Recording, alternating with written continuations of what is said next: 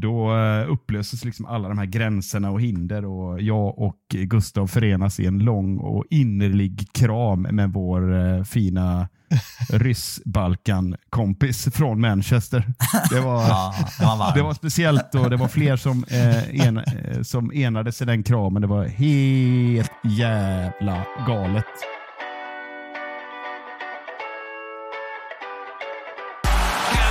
Manchester United score? They always score. Rooney! Oh, wonderful! It's Berbatov! It's brilliant! Marcus Rashford! Oh, glorious! That is a special one!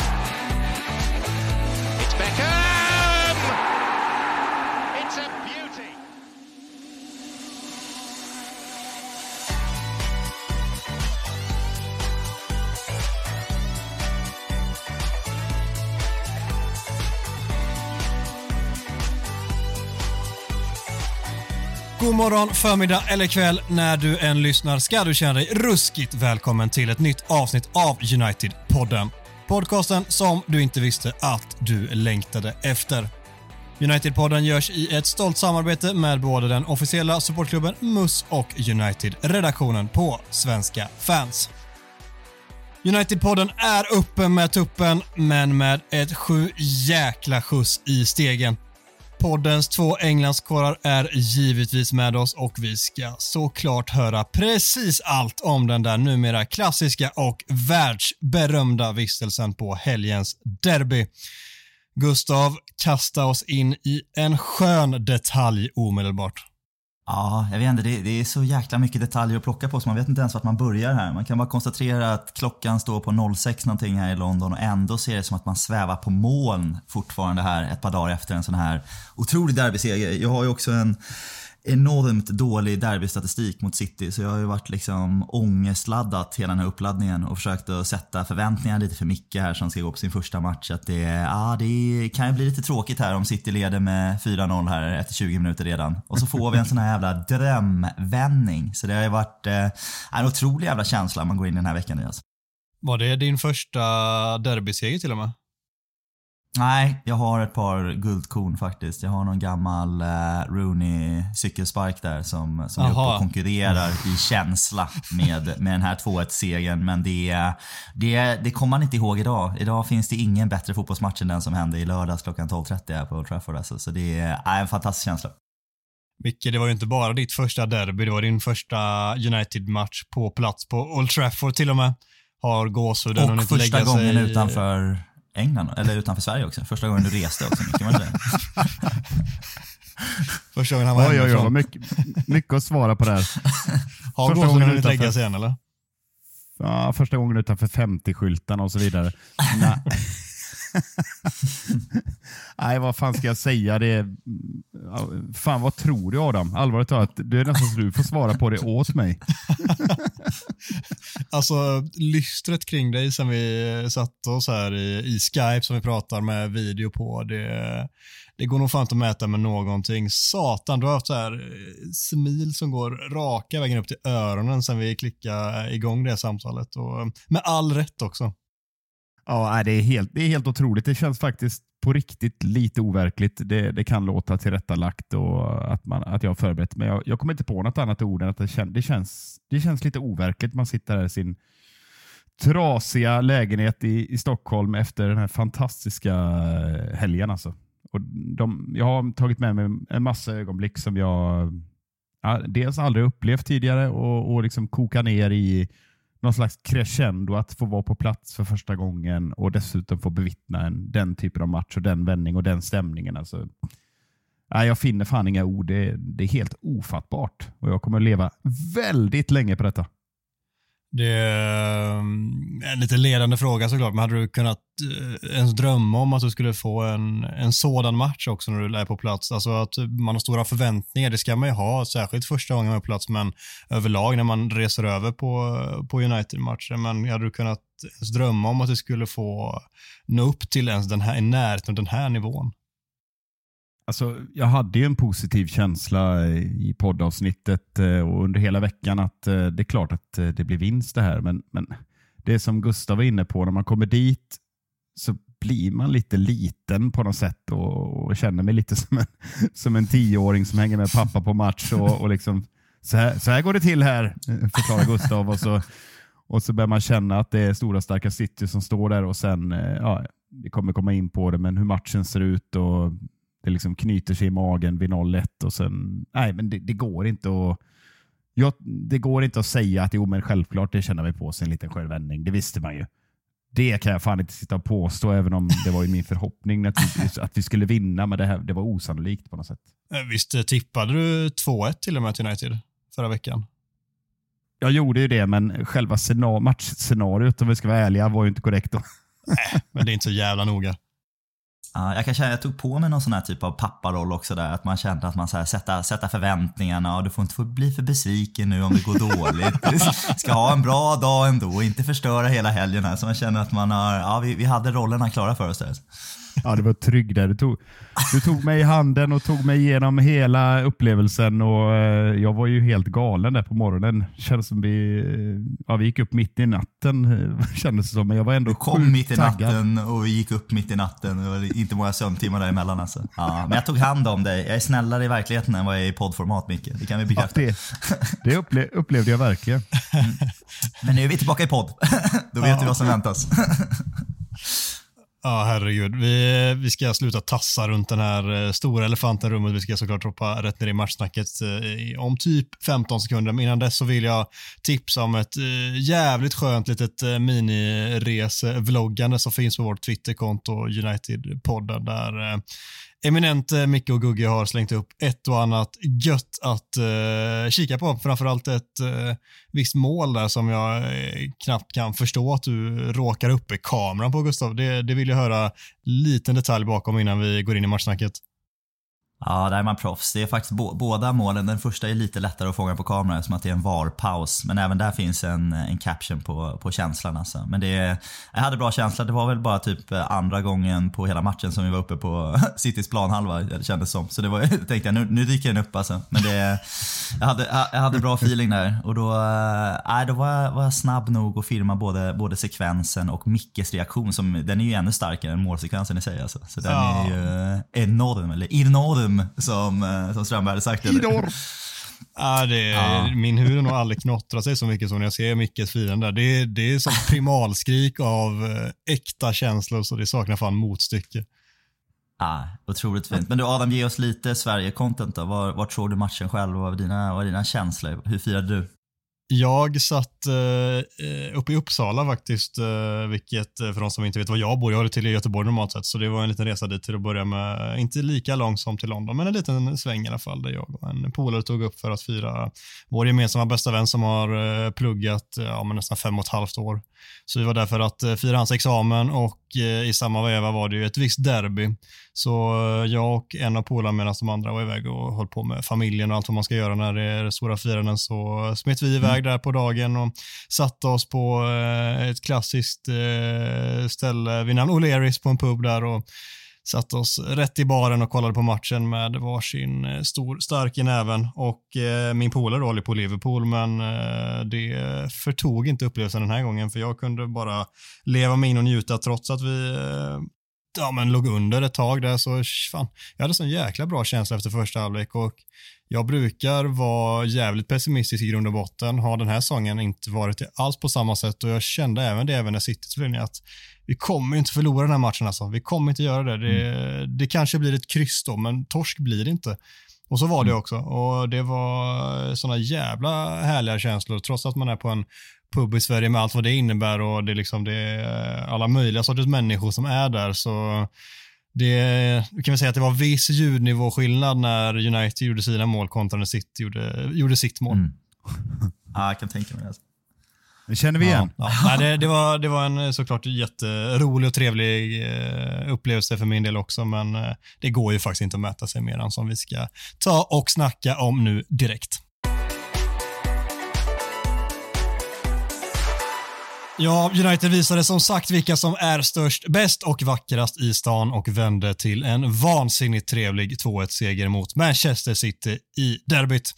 Utan Mackan på plats är det givetvis på sin plats att vi inleder med veckans Micke istället för veckans Macka. Ja, den här veckan så är det svårt att kalla det här segmentet för veckans bajsmicka. ja, ja, du noterade ändå att jag tog bort bajsmicke. Det låter bra. Och eh, Jag ska försöka bli lite konkret här nu och inte bara sväva iväg på, på moln här utan bli lite mer analytisk. Eh, även om det är svårt, eh, svårare i alla fall att fånga upp på plats när man inte har alla repriser och, och den riktiga överblicken så går man mer på feeling. Men eh, vi, ni får se här. Jag har valt att lägga upp det negativa först. Eh, det finns inte så mycket negativt att och städa av, men, men eh, vi behöver ändå nämna att det finns en spelare som behöver höja sig. Eh, och eh, Jag tror att inte Mackan är med här då. För Anthony Martial gör ju ingen jättebra första halvlek och det är egentligen i alla delar i spelet som jag ser det.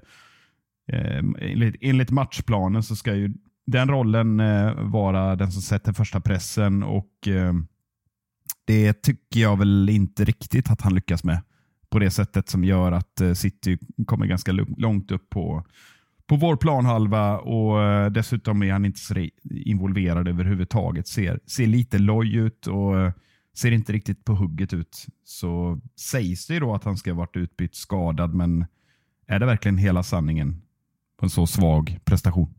Han var ju osäker till spel, det ska vi ha med oss. Eh, det var ju väldigt osäkert om han skulle spela överhuvudtaget. Den här sa det på presskonferens innan att han eh, hade gjort sin första träning eh, igen då tillbaka efter att ha haft en känning dagen innan match. Det var lite osäkert. Han kom till spel, spelar 45 minuter och kliver av. Så det, jag skulle väl kanske inte ta det för att det är helt osannolikt att han faktiskt, att det inte funkar helt enkelt. Men oavsett så håller jag med om att det är såklart han som är svagast i, i United. Jag tycker att det går lite att försvara honom kring pressspelet för det kändes som att det var var tydlig plan att han inte skulle, alltså United inte skulle trycka för högt upp för de ville packa centralt mittfält och då blir det lite för spretigt utdraget om han kliver upp för mycket. Men emellanåt fanns ju möjligheter och där kändes det inte som att det fanns något som helst krut i fötterna liksom på, på ett sätt som det fanns i alla andra spelare. Så givetvis eh, är det han som ska höja sig mer och min kritik faller nog snarare mer på hans ovilja att röra sig in i boxen på ett sätt som eh, hämmar oss extremt mycket emellanåt. Han, eh, han är med och bidrar i speluppbyggnaden många gånger. Han faller ner och liksom upplätta, eller upp, eh, gör det lättare för oss att spela ur en press som vi ett par tillfällen gör på ett väldigt bra sätt. Men sen så är det som att han glömmer av, eller att han snarare är väldigt nöjd med den aktionen därifrån och inte fyller på vidare in i boxen som vilken som anfallare som helst i övrigt hade gjort. Så det är väl där min kritik mest landar kring honom, att han ser ut att ha en ovilja eller att han bara nöjer sig med att endast vara med i den speluppbyggnaden och sen känner sig färdig. Det funkar inte när man är ensam nummer nio. Liksom. När man är ensam anfallare där uppe. Då behöver man ha en, en anfallare som har näsa för mål. Och jag tycker att han är, det har han ju i sina bästa stunder men när det ser ut som det gjorde nu i helgen så blir det, det blir en jävla stor lucka där. Liksom. Allting kring centrala straffområdet så känns som att det, vi har två breda yttrar som kommer med fart men, inte, men ingen som fyller på i mitten. Så jag, jag håller helt med Micke här i att eh, lite, lite oroskänsla för hur det ska gå om det är Martial som ska leda styrkorna här eh, under våren. Men vi har ju, har ju ett till namn nu som kommit in, får se om, den, om han tar plats här närmsta veckorna. Mm, mäktiga. Vägghorst är klar. Micke, gå över till det roliga så vi kan eh, släppa eh, allting som på något sätt skulle kunna tolkas som negativt. Ja, men det, här, det här är helt rätt. Det här är svårt tycker jag. Här, här får jag nog, eh, när vi släpper det här sen så kommer nog 50% inte hålla med. Jag tycker det är väldigt svårt att välja ut två stycken. Eh, för det var väldigt många som var bra och jag tycker mest det är en laginsats. Men det, det är lite grann som sticker ut, i alla fall för mig. Jag testar det på er här nu. Vi börjar med näst bäst. Och, eh, då tänker jag sett till eh, hur vi ställer upp och sett till den enheten som vi pratar om. Eh, du nämner att det är tajt mellan lagdelar och eh, jag skulle säga att matchplanen defensivt är i stort sett helt perfekt. Eh, därför kanske det höjs lite förvånande ögonbryn här då när jag väljer en spelare som möjligen kan pekas ut som någon sorts eh, syndabock vid Citys mål. Men jag tycker faktiskt här att eh, Aron Wan-Bissaka, precis som vår andra ytterback Malaysia, gör fantastisk match.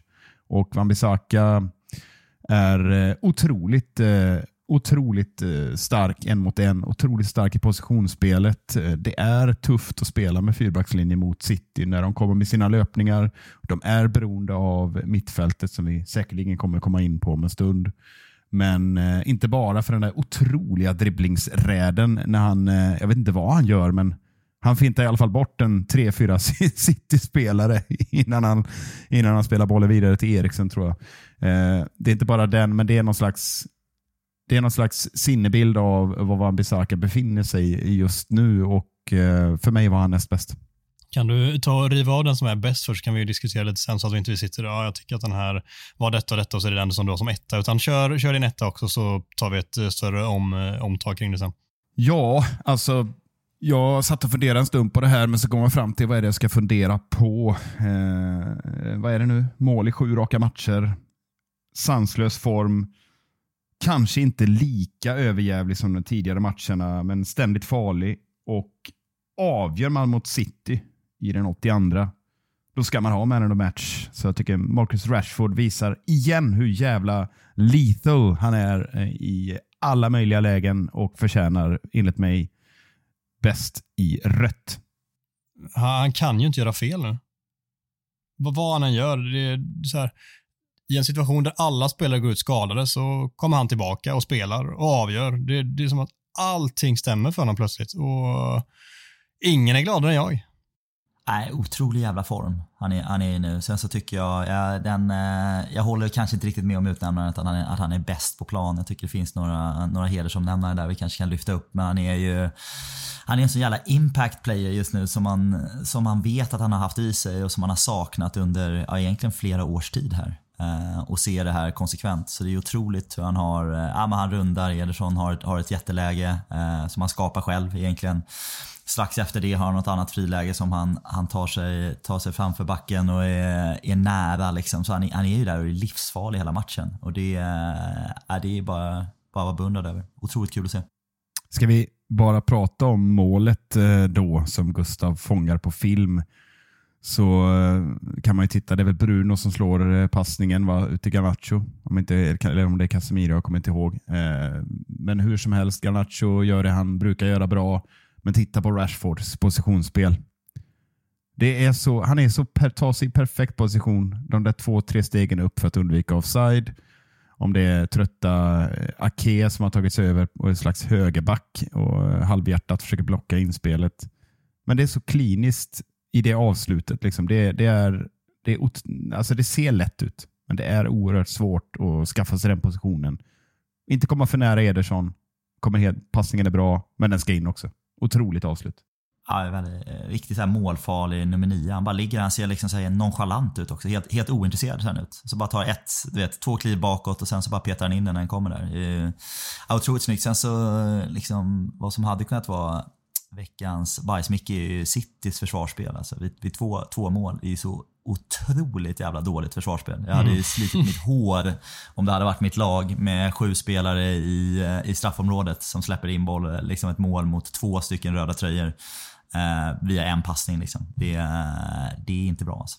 Nej, och det andra målet, jag tycker det var en sån jäkla intressant taktisk kamp mellan Ten Hag och Guardiola. För i första halvlek så vinner ju Ten Hag den ganska klart den kampen när han packar mittfältet så att United alltid en extra gubbe på, på Citys mittfält och de kan egentligen gå man, man mot man konstant där och liksom täppa till alla ytor och City får bara spela ut längs kanterna där det blir en mot en situationer där Wan-Bissaka har ett jätteövertag på Phil Foden och eh, Malaysia i sin tur gör det oväntat väldigt bra mot Riyad Mahrez på sin kant, vilket gör att mm. City kommer ju ingen vart. De tillåts bara spela på kanterna, men där har United övertag.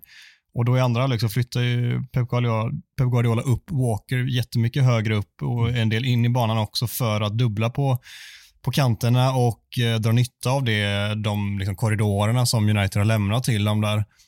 Och då kontrar istället Ten Hag på det och väljer att hitta också den, alltså väljer att chansa lite grann också, ligga kvar i, i den offensiva ytan som finns bakom Walker han har klivit upp. Och det är där vi skapar det 2-1 målet eh, i mm. slutändan för att Walker hinner ju inte med hem tillbaka och Garnacho och Rashford kan kontra på det via passningar som kommer ut och så är det det som ger oss segern i slutändan. Så det var en så jävla intressant taktisk batalj där den här visar fingertoppskänsla mot ett topplag återigen, vilket eh, absolut inte går att eh, kalla för någon fluk längre, utan han är ju extremt slipad även när det kommer till att han ska tampas mot de absolut bästa tränarna. Jag är jäkligt nyfiken på det kommer lite av ämnet här, på om ni inte håller med om Wan-Bissaka Rashford där. Vem eller vilka mm. är bättre?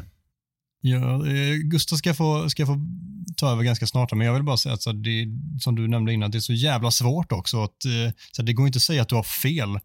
Även om jag, jag tycker att eh, till exempel Wan-Bissaka inte ska vara tvåa och jag kan, jag kan förstå om man argumenterar för att Rashford inte är etta. Även om han är det för mig i det här fallet så kan jag förstå att man inte tycker det. Men det, det är så otroligt många bra insatser så vad man än säger så går det ju egentligen inte att säga att det är fel typ.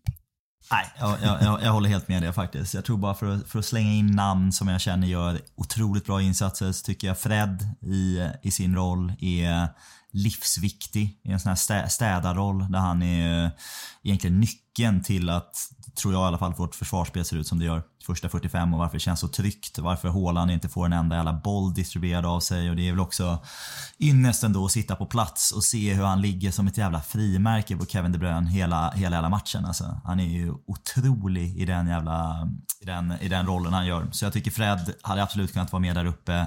Casemiro är bra, men annars kanske, alltså Rafael Varan sätter väl inte en fel mm. fot på liksom hela, hela matchen känner jag. Eller på hela, jag vet inte, hela 2023. liksom. Men Fred, Förra avsnittet kallade vi Fred för avskruvad golvmopp, men eh, den här gången, den här matchen var verkligen golvmoppen påskruvad, eller hur? Ja, herregud vad bra. Ja, nej men Varann som du lyfter, han måste vi, vi måste nästan prata lite om honom. Det, det är en fråga vi har fått in eh, från, jag tror ska dubbelkolla, det är Johan Lind som skrev att många spelare har med rätta fått mycket beröm senaste tiden. Är inte Varans betydelse för detta lag lite bortglömd? Plockar ju bort Håland helt. Och jag kan inte annat än att hålla med eh, att även om vi nämner honom ibland och andra gör det också, så får han för lite uppståndelse. För vilken jävla klassspelare det är. Alltså, utan honom i det här laget så hade det sett väldigt mycket annorlunda ut också. Han är en av världens bästa mittbackar och har ju varit liksom, de senaste tio åren. Eh, och nu, nu är han det även i Manchester United-tröjan och det var han ju inte när han kom. Eh, Nej. Så det är ju det är där han ska vara. Sen kan man väl göra en lite extra, jag vet inte, ni som har sett, sett klippen, både Casemiro och Varann, också deras firande. Eh, mm. Passionen de har alltså. Det är ändå två spelare som, jag tror många kanske hade lite, inkluderat en själv, hade lite en sån här orolig magkänsla när Real Madrid-spelarna med fem Champions League-titlar skulle komma till United. Att liksom att, eh, de kanske är lite mätta, men det är, har ni sett de här firanden med liksom fansen och den passionen? Det är liksom, eh, fan Micke det får ju dig att se liksom slak ut i ditt målfirande när man ser Varann och Casemiro. Eh, så eh, det är ju uppenbara superproffs alltså, med världens jävla lojalitet för att vinna titlar och, och prestera. Och det är ju äh, otroligt kul att se. Ja, nej, det är jättebra att du lyfter upp varann och man bör samtidigt lyfta upp hans kollega Luke Shaw som återigen får vikariera, om jag ska kalla det längre, som, eh, som mittback och gör det på eh, egentligen bästa vis igen. Där fick vi också in en fråga från Emanuel Almespång som skrev, eh, är det Choberto eller Chordini som gäller? Eller är det kanske dags att sätta namnet Cho i en helt egen kategori? Ja, alltså jag, jag sa det till Gustav när vi, när vi pratade om matchen eh, igår. Att, eh, men känslan är att, att man ser inte så. Han, han syntes inte så mycket, men det är också ett gott tecken. Han, han stod väl rätt mest hela tiden va?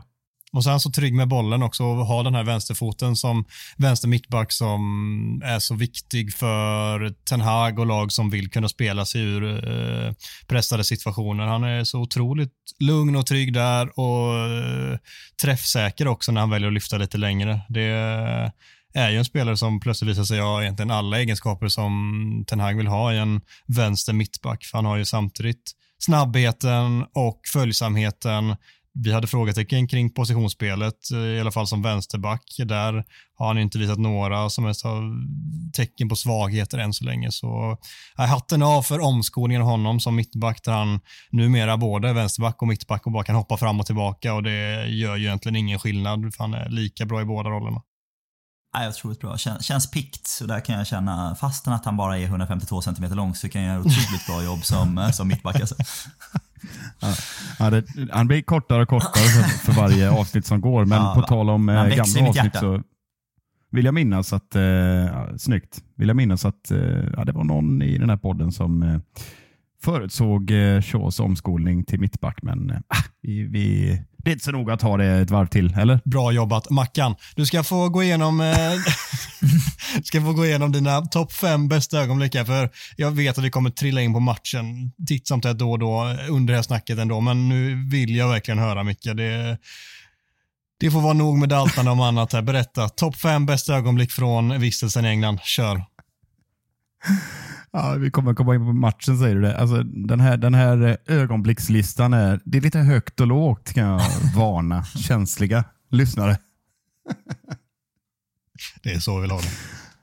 Okej, eh, lite osorterat men ändå eh, ack så viktigt att följa någon slags kronologi här. Så jag väljer att, att eh, räkna ner från plats nummer fem eh, ner till plats nummer ett på mina favoritögonblick på den här weekenden i både London och Manchester för den delen. Ja, man kan väl säga så här att eh, för er som eh, följde Gustavs galna Twitter-tråd, det var han som höll i United-poddens content här under helgen, så eh, kanske ni noterade att eh, ja, det, var lite, det var lite märkliga liksom, rubriker och eh, inspel och kommentarer som, som, kändes väldigt interna. Och på plats nummer fem här så, eh, så finns det en otroligt intern eh, sägning eh, eller eh, vad ska man säga, händelse. Eller, ja, den pågick egentligen under hela helgen här som, eh, som eh, många kommer säkert ha svårt att, att förstå den här referensen. Men jag tycker då att vi har haft lite, lite för lite av kiss och bajs här i, i United-podden. Tycker ni inte det? Jo, såklart. Vi måste ha mer, mer, mer sånt segment ska in. Nej, men hög tid nu. Eh, men man kan väl säga så här då att eh, den här, eh, ja, ska vi säga, pågående eh, eventet, eller vad man det för, väcktes ju först i, i eh, inledningsvis när vi satt på tåget på vägen upp, eh, på vägen upp till Manchester. Så påstår Gustav att eh, jag satt och lyssnade på Bröderna Rångedal i lurarna. Och, eh, Jag är ganska nja, säker på. Alltså, Det såg jag på dig att det var Rångedal i lurarna, Micke. Det är så jävla smalt också. ja, det är oerhört smalt och sen, och sen knöt vi ihop detta med att min mage eh, inte riktigt eh, var med mig under helgen. Eh, landade väldigt, väldigt sent i, i eh, London och eh, jag vet inte, var mitt i natten knackade på hos Gustav. Med lite hjälp fick jag att, att hitta hem till Gustav från Gustav själv. Eh, så, så, och sen fyra timmars sömn på det. Så eh, magen var inte i toppform på morgonen och eh, tydligen då så lyssnade jag på Rångedal när jag försökte sova. Eh, och, men det här blev en följetong. Och till saken då, ännu rörigare blir det nu. Gustavs lägenhet, eh, någon slags eh, high-tech-variant, ett ljudsystem som finns i varenda vrå eh, och även på toaletten. Eh, så när vi kom tillbaka, så fort jag gick på toaletten, vilket skedde ungefär 34 gånger under helgen, så spelade Gustav Rångedals, eh, vad är det låten heter nu igen? Eh, Ju- Just a minute, tror jag. Tror jag. Riktig jävla schlagerdänga alltså. Ja, vi slänger in några sekunder av den här.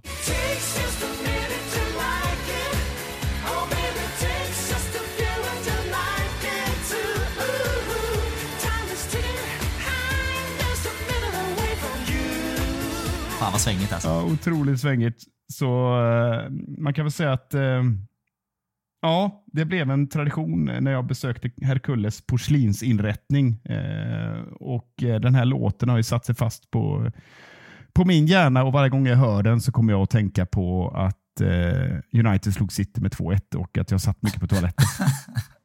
Så ögonblicket är vad då? Rångedal? Ögonblicket är eh, 36 stycken toabesök, eller är det som är ditt ögonblick? Ja. Ja. Fint. Fint. Starkt ändå. Där har vi nivån. Ja, det är bra. Det gillar vi. ja, när du sprutlackerar porslinet. Trevligt. Ja, jag ska bemöta det sen, men kör, kör på dem. Ja, lite, lite trevande och rörigt, men eh, plats nummer fyra, kanske lite mer given. Jag har ju bara då besökt en eh, Premier League-match tidigare. Det var West Ham mot Fulham 2014. Det var min erfarenhet. Eh, Gustav hade fel. Jag har faktiskt varit utanför Sveriges gränser tidigare och till och med i England. Då. Eh, och Då besökte jag ju deras då, West Hams anrika The Bolion Pub och fick uppleva, ja, ni vet, blowing bubbles eh, och mycket tjurnackade eh, gränslöst tatuerade West Ham-fans. Och packade sillar och plastglas. Allt det där, det kan ni. Eh, ni som lyssnar på detta och även ni i den här podden. Men det här var ju något annat. Och hjälp mig nu Gustav, vad heter puben vi är på och värmer upp på? Ja, vi försökte ju ta oss in på Bishop Place men hamnade på The Trafford då, som ligger på The Trafford Way upp mot Old Trafford. Och där är det bra stämning. Ja, det är helt otrolig stämning och eh, noterade också att eh, de sålde bara en liters öl som man inte kunde hålla med eh, en hand. Ja. Viktig detalj. Gustav frågade varför jag hade en pipmugg, ni vet sådana bebisar har. Eh, Tvåhandsgrepp. ja, det såg så liten ut där på något sätt. När du stod med dina, din tvåhandsfattning i den där hinken. Ja, fint. Men det, det systemet var väldigt märkligt där. Säkerligen så på alla den här typen av pubbar. Att eh, de släppte in eh, folk mest hela tiden och man fick en stämpel man gick in. Det var väldigt oklart varför man fick det. Oklart. Men man kan väl säga så här att eh, de, de hade nog aldrig hört talas om varken brandmyndighet eller maxantal. Men det, det är skitsamma. Det gick inte att röra sig där inne. Det blev som en våg. När någon rörde sig så rörde sig all, hela rummet. Eh, och sen eh, när vi väl tog oss in i det där, eller jag tog mig inte in i det här sångrummet, så eh, nej, det, var bara, det var bara gåshud överallt. Det var eh, vilk, vilk, vilka underbara sånger. Jag kände igen några, men Gustav sjöng med i alla och fick lära mig allt sen. Det var, det var en enda lång dimma och perfekt uppladdning. Pappa Gustav, vad fint. Ja, håller han i handen. Ja, det såg lite lätt ängslig ut där alltså, med så otroligt mycket kroppskänning från folk i all, alla riktningar hela tiden. Alltså. Så det eh, fick man ta hand om det lite grann. Alltså. Men det blev lite bättre när du hade druckit en liter öl sen. Lyckades du få till dig någon eh, favoritramsa där inne då? Nej, jag gillar alla ramser som där man slänger i lite hat mot motståndaren. Så det var någonting med eh, att City var eh, dårar. Du kan det Gustav. Har vi den? With a knick-knack piddwack, give a dog a bone, why don't city fuck off home? Va? Den, eh, den har vi stått och ekat mycket alltså. Klassiker. Ja. Otrolig klassiker. Äh, fint, fint. Var det ögonblick nummer eh, ja, fyra då, som du började bakifrån? Ja, och eh, jag hittar inget, eh, ingen bättre rubrik än skönsång på puben. Mm. Äh, ljuvligt. Ja, plats nummer tre på favoritögonblicken. Och eh, det här var lite speciellt eh, tycker jag. att Man har ju sett det på tv en mängd gånger och eh, både älskar det och ibland hatar man det. Men Bruno Fernandes kroppsspråk eh, fick jag ju se live nu då. Och, och vid kvitteringen, ja, det var, det var väldigt speciellt för mig tycker jag. Eh, om man googlar eh, hur man visar alla känslor på 30 sekunder så borde klippet på Bruno komma upp där tycker jag. För den här lite lätt förlösande kvitteringen. Det är helt liksom galet att se det på plats. Armarna går som en kolibri, käkarna liknar mest en krokodil med Tourettes diagnos på Atkins diet. Liksom. Det var helt otroligt att se. Han vände sig om och huvudet gick som en propeller och mm, toppat med det firandet så ja, det var helt makalöst. Och man följer verkligen med, med i Brunos liksom, känslokavalkad från läktaren, eller hur Gustav? Det var, det var helt otroligt att se när han vände sig mot oss på kortsidan och bara skriker ut sin glädje när vi konstaterar att såklart ett godkänt mål har eh, kommit till. Det var otroligt på alla sätt för mig. Ja, den känslan når hela vägen upp på Stratford End. Alltså, det gör det. det är, eh, då känns det som att man är där. Liksom. Han är alltså extremt jävla känsloutlopp. Alltså. Mm. Och det var ju inga diskussioner om det målet. Jag fattar inte vad ni menar. Det är ju solklart mål. Obegripligt. Ja, den får vi alla dagar i veckan. Ska vi spara den och så går vi går in på plats nummer två. Vi lär väl diskutera det där målet. Otrolig kronologi i det här avsnittet, eller hur? Ja, det är så jävla gött. Men det, det är så vi vill ha det också. Det ska inte vara så jävla uppstyrt nu. Det är bara att köra. Ja, plats nummer två. Det var svårt här att välja eh, på de två sista ögonblicken, men eh, ni har ju sett det på film. Rashfords avgörande naturligtvis. Kanske ni tycker det är konstigt att det inte kommer på plats nummer ett, men eh, ni får strax veta varför. Eh, men det, om det inte framgick så skulle jag beskriva det som eh, en av de absoluta höjdpunkterna i mitt långa supporterskap. Och naturligtvis förstärkts av att jag är på plats. Jag har inte sett Rooneys bissa på plats som Gustav har sett. Men det var, eh, det var naturligtvis otroligt och det går inte att återskapa det på något sätt, den känslan som går genom kroppen. Nej, det är, se, se klippet säger jag bara. Liksom. Jag tror att den, eh, det är väl det närmsta man kan återskapa den känslan. Så det, men det är eh, nej, enormt. Jag har varit på, på, eh, jag vet inte riktigt hur många, hur många, men jag tror att jag måste ha varit på Old Trafford en 60 60-70 gånger någonstans. Och jag tror att det här är nog en topp eh, top tre-känsla, tror jag, när liksom gåshuden reser sig. Så det var nej, ett otrolig jävla stämning på Old Trafford. Helt jävla, jag tror inte Micke fattar hur bra Old Trafford Eh, stämning han fick. Jag tror att han tror att det är så här varje match när vi vask, vaskar av Burnley med 3-1 hemma och, och vi gör mål. Men det, det har han missat faktiskt. Så det är eh, äh, otrolig jävla stämning. Alltså. Ja, makalöst. Vi, på temat så river vi av plats nummer ett här för att det är, det är nämligen en och samma situation mer eller mindre. Men vi, lite bakgrund först. Eh, och Det här eh, kan tyckas konstigt, men strax före matchstart när vi står där och jag super in alla, alla intryck så, och vi känner att eh, nu är vi taggade, nu är vi på gång. Då dyker det upp en lite märklig figur. Eh, plötsligt så står det bara en, en person där, ser ut som en slags blandning av Berbatov och eh, Alexander Ovechkin. Eh, någon slags ryss-Balkan eh, person dyker upp och språket var väldigt svårt att urskilja eftersom det bara kom liksom fyllemummel. Så det var oklart eh, vilket språk han talade. Han, han var ändå från Manchester. Det var ändå en Manchester-dialekt som du inte plockade där. Ja, otroligt i alla fall. Men eh, när vi upplyste herren om att han förmodligen befann sig på fel plats, eh, så eh, efter en liten stunds rabalder så stod han där bredvid Gustav. Och han stod där och svajade eh, hela matchen och skrek då och då något ohörbart eh, som ingen förstod. Men mestadels så tittar han lite förvirrat omkring sig. Men vid kvitteringen så hände någonting. Då vaknade han till lite och, och eh, kändes plötsligt liksom eh, medveten om var han var någonstans. Och, och när sen avgörandet kommer, det här är viktigt då, för det här är själva crescendot i, i upplevelsen. Då eh, upplöses liksom alla de här gränserna och hinder och jag och Gustav förenas i en lång och innerlig kram med vår eh, fina ryss-Balkan-kompis från Manchester. Det var, Ja, det var det speciellt och det var fler som, eh, en, eh, som enades i den kramen. Det var helt jävla galet att se. Ja, där var han stark. Han hade ett bra grepp faktiskt. Det hade han. Det är så jävla fint hur fotbollen förenar va? Man står där på läktaren och kan kramas med vem som helst i en sån situation. Det är väl lite det jag försöker, eh, försöker säga här. Det, det kändes otänkbart att krama honom när vi såg honom första gången, men eh, på slutet så spelar det ingen roll vem som hade stått där.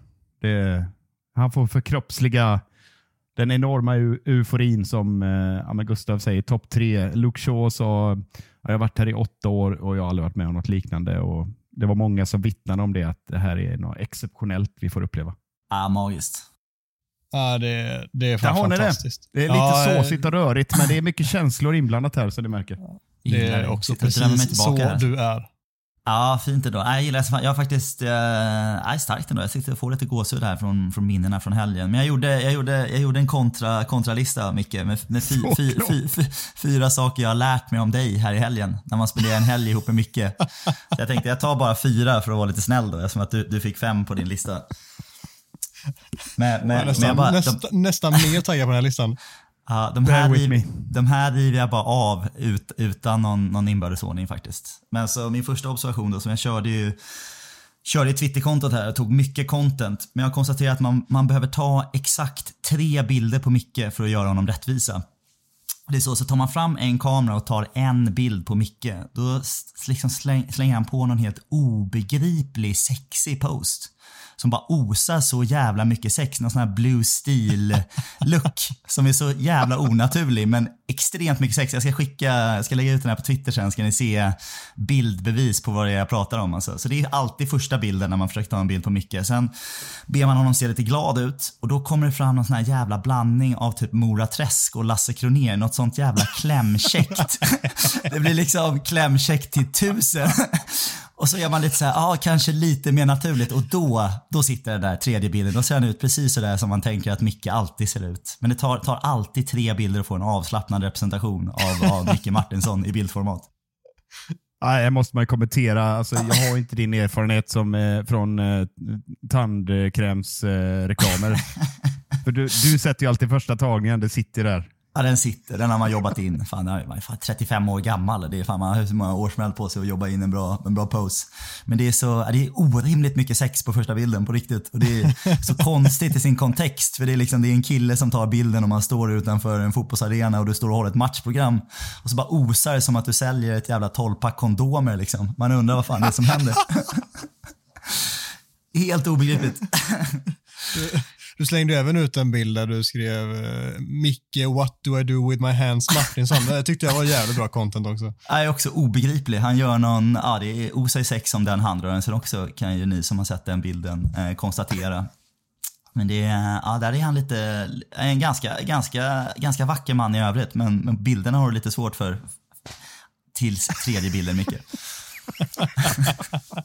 Men det är tur att du har en, har en, en kompis med tålamod. Liksom. Så han, han jobbar ju fram den här tredje bilden så att du får, så vi får bra content. Alltså. Så det, så det är min första, det. ja, så är min första reflektion. Andra reflektionen, lite hårt kanske, men så Micke, jag har faktiskt lärt mig att Mic- Micke har ju en tvillingsyster som jag inte riktigt vet, men jag utgår ifrån att hon heter Mickan. Eh, jag vill tro det i alla fall. Eh, och det är så Micke är typ två plus på allt hon gör, han gör, men vad jag har förstått från hans tvillingsyster är att hon är typ fyra plus på nästan allting hon har gjort i hela livet.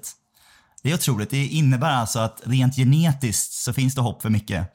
Utan det är bara liksom ditt jävla dåliga genomförande på allt du gör i ditt liv som gör att du blir två plus alltså. Det är, det är otroligt. Ja, det är så jävla orättvist. Eh, Hon heter faktiskt inte Mickan, men, men Maria har fått alla, eh, alla fördelar och levererar alltid en stark 4 plus-nivå. Så att jag, jag har fått kämpa i, eh, i motvind och uppförsbacke hela livet. Så det, det är faktiskt helt korrekt eh, det det. beskrivning. Gustav. Den här tar poäng jag. av mig. Jag kände det, tack ändå. Ja, Mickan, eller vad hon är där ute. Ja, kul till dig. Kul till dig. Eh, tredje då, den här, det här visste jag faktiskt inte. Micke, han äter varken skaldjur eller lax. Det är konstigt tycker jag. Och det har absolut ingenting att göra med någon typ av allergi. Eh, utan det är faktiskt så att en gång när han var barn så upplevde han att en hummer i frysdisken tittade lite snett på honom. Och så tog han väldigt illa vid. Och sen dess har han slutat äta skaldjur. Det är helt obegripligt alltså. Det är faktiskt också nära igen. Men det visar liksom vilket jävla ditt papperstunna psyke-aura du har. Alltså det ser, titta lite snett. En hummer tittar snett på dig när du är sju år gammal och sen så har du inte ätit skaldjur sen dess alltså. Det är nästan otäckt för på riktigt, jag har inte berättat det här för Gustav ur traumat och det är ganska nära faktiskt. Han, han, är, han är på svingar men det är faktiskt sjukt nära för det var en, en kräftskiva eh, som mina föräldrar anordnade för oss tre barn, eh, jag och mina två systrar. Eh, för övrigt också två fyra plus systrar som vi har konstaterat. Eh, även den andra är vassare än mig.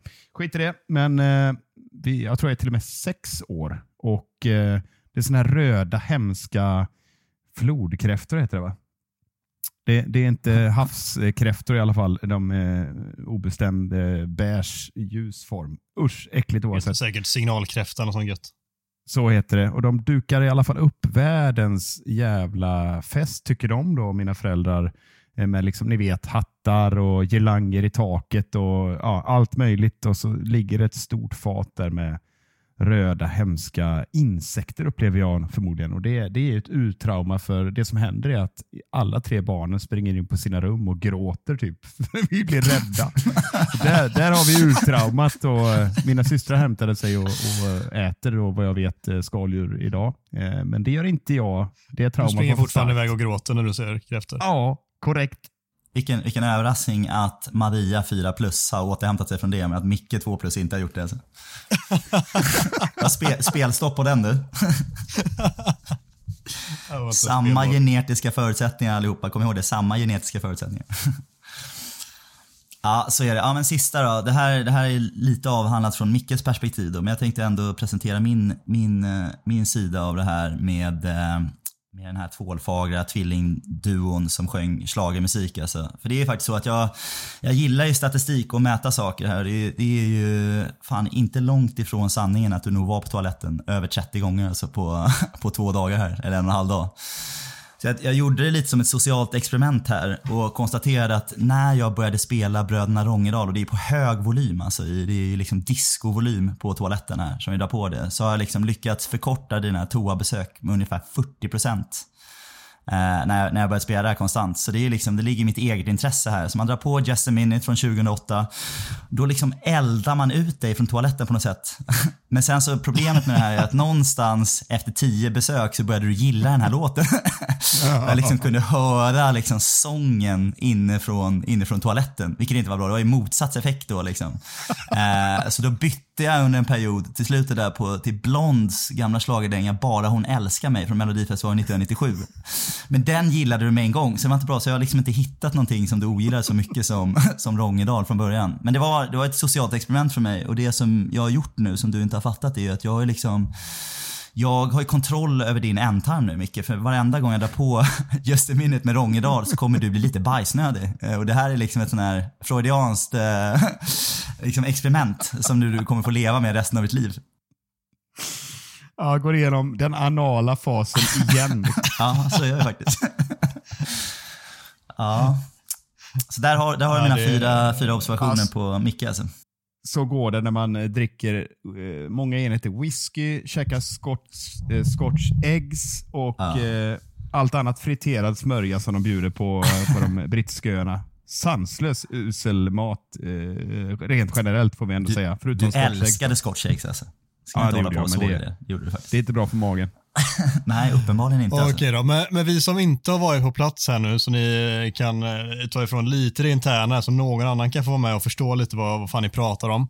Nej. Det, det, vi kunde, nej såklart inte, men vi fick ju följa med ganska tydligt eh, uppladdningen från, egentligen från när Micke anlände till eh, Gustav i London, från tågresan sen och liksom vidare med uppladdningen, matchen och sen så tog det jävla tid efter matchen där jag och väldigt många med mig bombarderade United på en Twitterkonto med frågan om var är contentet?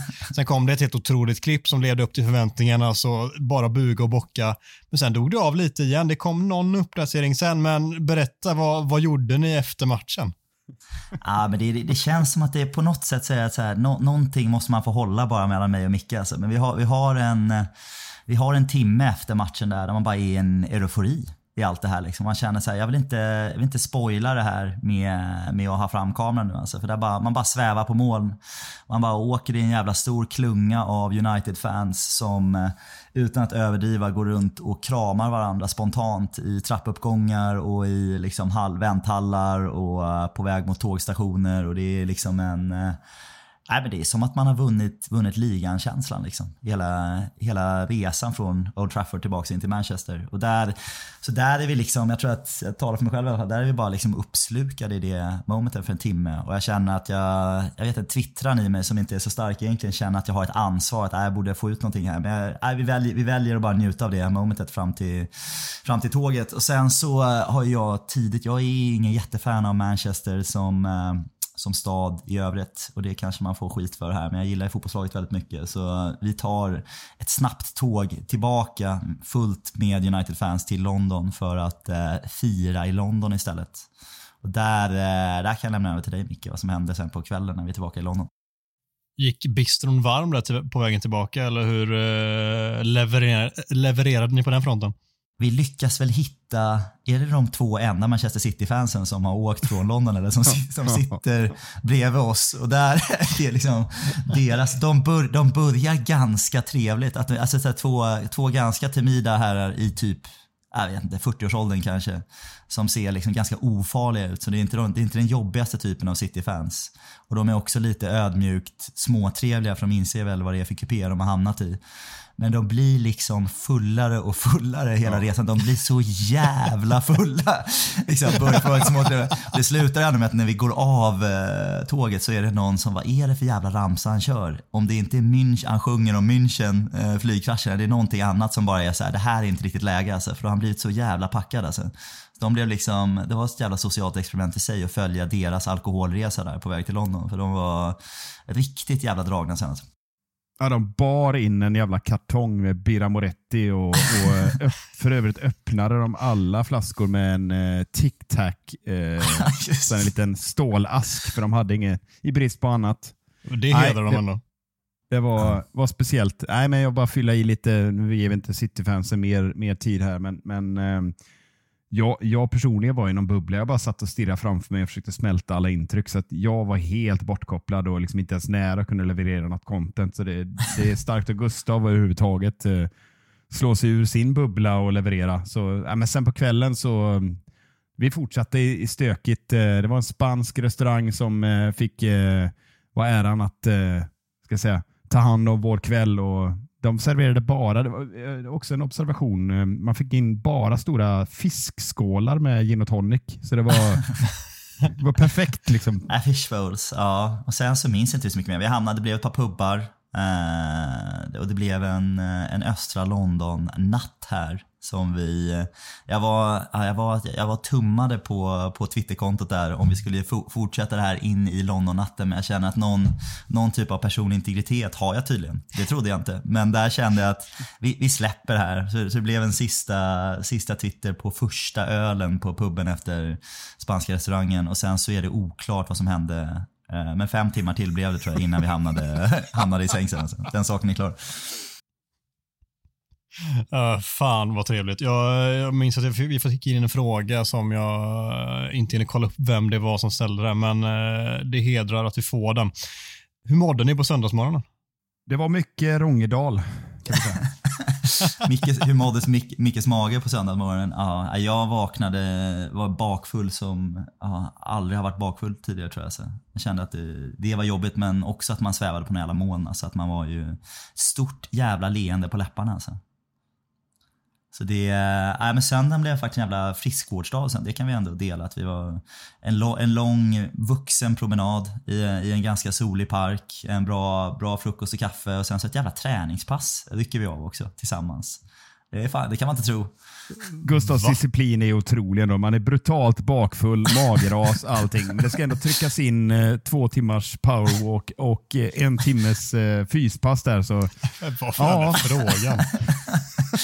Ja, man kan inte komma hit och bara ha julafton varje dag Micke. Så man får jobba lite för det också. Så är det. Och får man julafton direkt på morgonen första, första dagen när du är här, då får man betala för det dagen efter istället. Liksom. Men netto, nettot måste vara, det måste vara jämnt när du åker härifrån sen. Alltså. träningsverken är eh, i allra högsta grad gör, mig, gör sig påmind kan man säga just nu. Ja, fint. Jag, jag kollar igenom frågorna här nu och eh, vi har ju fått in en som är väldigt eh, viktig, högst relevant från eh, Kalle Karlsson. Hur fastspikat är smeknamnet Gugge och när kan vi förvänta oss en engelskspråkig variant så att Gugge kan presentera sig korrekt på öarna? Ja. Jag ogillar det här smeknamnet så jävla mycket och, det, och ni vet det liksom. och jag känner att det här är en sån här, det här är kvicksandsleken för ju mer jag pratar om att jag ogillar det här ju mer kommer det sätta sig liksom. Så jag känner att jag vill, jag vill inte prata mer om det. Jag vill inte ha någonting med Gugge att göra alltså. Så jag är tyst. Jag, jag har inget ytterligare att komma med. här. Är svår, Gugge. Det är lite svåruttalat på engelska va? Ja, jag har den men jag tänker inte säga det för jag vet att det bara, då kommer det slå fast sig också. Nu har jag lärt mig, nu ska jag bara vara tyst. Jag tänker att om jag slutar, om jag inte bemöter det, det är lite som att vara retad i, i mellanstadiet. Om jag inte visar hur ledsen jag blir varenda gång jag hör det så kommer de, då slutar de till slut tänker jag. Det är den taktiken jag har kört med i ett par månader. Du, eh, du trampade ju jävligt snett där för ett par veckor sedan. Eh, Ska jag påminna dig om det? Det, det kommer jag inte bekräfta. Så länge du inte har det inspelat så, så bekräftar jag aldrig. Jag har aldrig någonsin refererat till mig själv som Gugge vid något tillfälle. Men det jag kan ha kanske trampat fel en gång och insåg direkt att så här, vad är det som händer? Vad är det som händer? du fick sån otrolig identitetskris när du råkade kalla dig själv för Gugge när du skulle, för mig och Mackan, när vi satt och pratade om hur ni skulle bidra med content från resan och att vi kan ju köra Micke och Gugges eh, resa. Och sen så går det typ en millisekund och du inser vad fan kallar jag mig precis och så var det ju fan total härdsmälta. Ja. Det är svårt att förstå det där. Mikael finns bara en, ett, ett, ett enda jävla smeknamn på Mikael som man kan få. Adam är liksom första, första namnet i Bibeln genom tiderna. Liksom. Så det är där sitter ni med starka namn. Men Gustav kan man tydligen jobba olika, olika smeknamn på. Alltså. Ja, ja. Så, så är det uppenbarligen. Vi eh, har ju sagt extremt mycket om resan och vi har sagt mycket om matchen. Bör vi säga någonting mer? Vi, Micke tyckte på något sätt att vi skulle prata om det där 1-1 målet som eh, döms som mål till slut och det har trillat ner en hel del tårar på sociala medier från diverse rivaliserande supportrar men eh, det är bara att slå fast att det är ett eh, klockrent mål. Ja, det är det. Och notera också förutom eh, diverse supportrar så är det diverse mediamän som eh, verkar ha svårt för det där också. Ingen nämnd, ingen glömd, men det var väldigt vad man hakade upp sig på det här målet. Eh, och ska sägas då att den har, det har tolkats enligt reglerna och godkänns där och då. Då kan man gnälla på reglerna istället tycker jag, än att gnälla på Rashfords eh, “Can't touch this”. Eller vad de la upp? Jag såg någon skämt. Ja, snyggt. Ja, nej, men om man ska vara lite, ska man vara lite eh, proffsigt nyanserad här så kan man konstatera att det är, ett, det är ett jobbigt mål att få emot sig. Tror jag. Och det hade jag, jag tror att vi landade i någon typ av mogen debatt i att om eh, det hade blivit avblåst för offside så hade vi inte grämt oss så mycket över det. Då hade vi pratat om det i tio sekunder tror jag. Då hade vi inte pratat om det två dagar efter. Att vi blev bestulna på den eh, på det målet. Så jag kan väl, eh, kan väl känna att den är lite tuff men att det finns nog eh, liksom, rättslig backning i tolkning av, eh, av regelverket som gör att vi får den. Och det är ju fan det är så fotboll ska vara. Det ska inte vara en jävla millimeter-scientific eh, bedömning i allting även om VAR försöker få göra det. Det ska ju finnas lite, lite tolkningsutrymme och det har vi fått emot oss på Old Trafford många gånger och eh, ibland får man det med sig och det kändes jävligt bra. Och det är ett mål, så är det bara helt enkelt.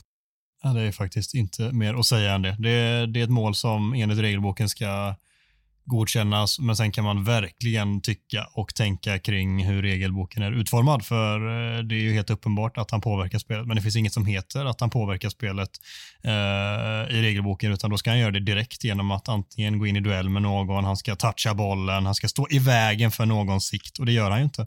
Och då eh, har de inget annat val egentligen än att godkänna det hur fel man kan tycka att det är för det är klart som fan att han påverkar spelet när han tar en maxlöpning mot bollen och är en millimeter ifrån den och man inte ser vem som ska skjuta. Men ingen är gladare än vad vi är för att det blev ett mål där och då. För är det någonting som är bättre än, än liksom sann jävla vinst och glädje på det sättet så är det ju också skadeglädjen när andra blir vansinniga på att United vinner samtidigt. Det är liksom De två förhöjer varandra till en nivå som typ inte går att besegra. Ja, och det får man faktiskt eh, bara erkänna att jag blir väldigt enögd och skiter i det och njuter av när Pep Guardiola eh, står och gnider sig i ansiktet eh, lite, lite sådär touretsigt som man brukar göra när det inte har gått så bra. Och sen säger han att han skiter i eh, ligacupen och Premier League. Det, det njöt jag av faktiskt. Ja, där myser man. Han ska börja kanske liksom titta utanför sin egen dörr först. Man kan ju, målet i sig kan man konstatera, men det är ju försvarsspelet där i City. Det har väl tagits någon sån här eh, momentbild när det står sex stycken spelare till vänster i någon jävla klunga, liksom helt jävla ur position. Och det är ju... Eh, man ska liksom börja titta på sitt eget, håll, håll, håll rent utanför din egen dörr först. Liksom. Och det, det gör de inte. Vid två, två situationer får man, då blir man straffade mot mäktiga Manchester United. Så är det. Succésegmentet Talk of the Town är tillbaka med den här veckan inte fem påståenden utan tre stycken med aktuella ämnen som vi helt enkelt diskuterar huruvida det är sant eller inte. Veckans första lyder så här. Wan Bissaka är tillbaka för att stanna. Dalot kommer att få vänta ett bra tag på att ta tillbaka startplatsen. Och Micke, du drog en lans för honom här när vi betygsatte spelarna och du tyckte till och med att han var näst bäst på planen. Så jag kan inte tänka mig annat än att du tycker att eh, detta är sant. Ja, vad ska jag säga här? Alltså, det är klart att eh, jag är superglad att se att eh, Wan-Bissaka är tillbaka. Eh, vi har ju diskuterat honom eh, under hans framfart här lite oväntat så tar han sig tillbaka rätt snabbt från kylskåpet och skador och liknande. Eh, men jag, jag väljer att, att eh, tänka så här att eh, Wan-Bissaka kommer vi kunna använda i vissa matcher eh, med hans egenskaper. Men Diogo Dalot, har ju varit otrolig sen Ten Hag kom och jag tycker det är alldeles för, för spetsigt att liksom behöva välja mellan någon här. Eh, jag vet att eh, när jag brukar förespråka eh, en startelva så brukar jag få mothugg i den här podden och nu vänder jag på kuttingen som man kan säga och ser att varför måste man välja en när vi har två stycken grymma högerbackar just nu. Mm, det är framförallt jävligt viktigt att ha också två eh, ytterbackar, tycker jag, med lite olika egenskaper också. Eh, sen vissa förespråkar att man har bara ett inkört sätt och så kör man på det där de flesta spelarna är snarlika, men här är det ju två som i mångt och mycket skiljer sig ganska mycket och det, jag tycker det är en jävla USP att ha också att kunna, så länge båda håller sig friska och är spelbara så går det ju också att applicera helt olika typer av matchplaner också bara på liksom individuella positioner också. Att man kan till exempel i en match mot City bara låta Wan-Bissaka stå en mot en mot deras ytter för att man vet att han är överlägsen i just det, den typen av försvarsspel.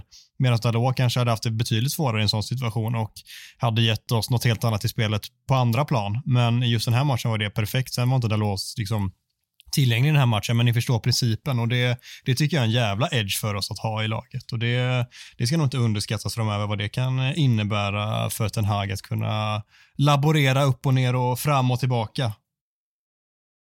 Nej, verkligen. Och det, jag kan känna det är liksom få, få ytterbackar och det här tycker jag ändå varit konsekvent ända sedan han kom till United. Att det är få ytterbackar som jag har sån jävla tilltro till i en mot en-spelet. Alltså som Wan-Bissaka. Det känns som fan jävla mardröm att ställas mot honom en mot en. Alltså. Sånt jävla övertag på nästan allt och alla i hela världen. Alltså. Så otroligt bra och sen så kul att se nu att eh, när vi har ett lite mer organiserat eh, eh, försvarsspel hela vägen från, från anfallet ner till de Gea så, så får man ju ut bättre ur de här spelarna. En Varann som såg lite småstökig ut när han kom och Wan-Bissaka som var all over the place och Shaw som man började fundera på. Men, ja, han kanske aldrig blir konsekvent en bra försvarsspelare utan det är liksom en bra säsong och sen så är han värdelös etc. Liksom. Men nu så här, jag driver ju alltid den här tesen i försvarsspelet. Liksom, har man ett organiserat försvarsspel så utvärdera spelare då. Liksom. Eh, och nu har vi ett väldigt bra organiserat försvarsspel och då ser man att en Wan-Bissaka som vi hade lagt långt bak i frysen eh, med de gamla fiskpinnarna är liksom eh, ut, upptinad nu igen. Och jag tycker verkligen att han, han bör vara ett, ett eh, nej men en, en riktig konkurrent om, eh, om speltid. Jag tycker att Diogo Dalot har sina kvaliteter som är väldigt, väldigt annorlunda från Wan-Bissakas. Ah, framförallt offensivt och när vi ska vara spelförande och ha possession. Eh, vilket vi kanske kommer diskutera lite mer i en annan, annan punkt här med, med hur vi ställer upp. Men det är nog ganska många matcher som vi kanske vi fortfarande vill släppa ifrån oss bollinnehavet lite och vara lite mer reaktiva och då känns Wan-Bissaka självklar. Alltså. Uh, och jag tycker det är, precis som du säger Adam, grymt att ha alternativet. Uh, och det känns som att vi, det är ett nyförvärv.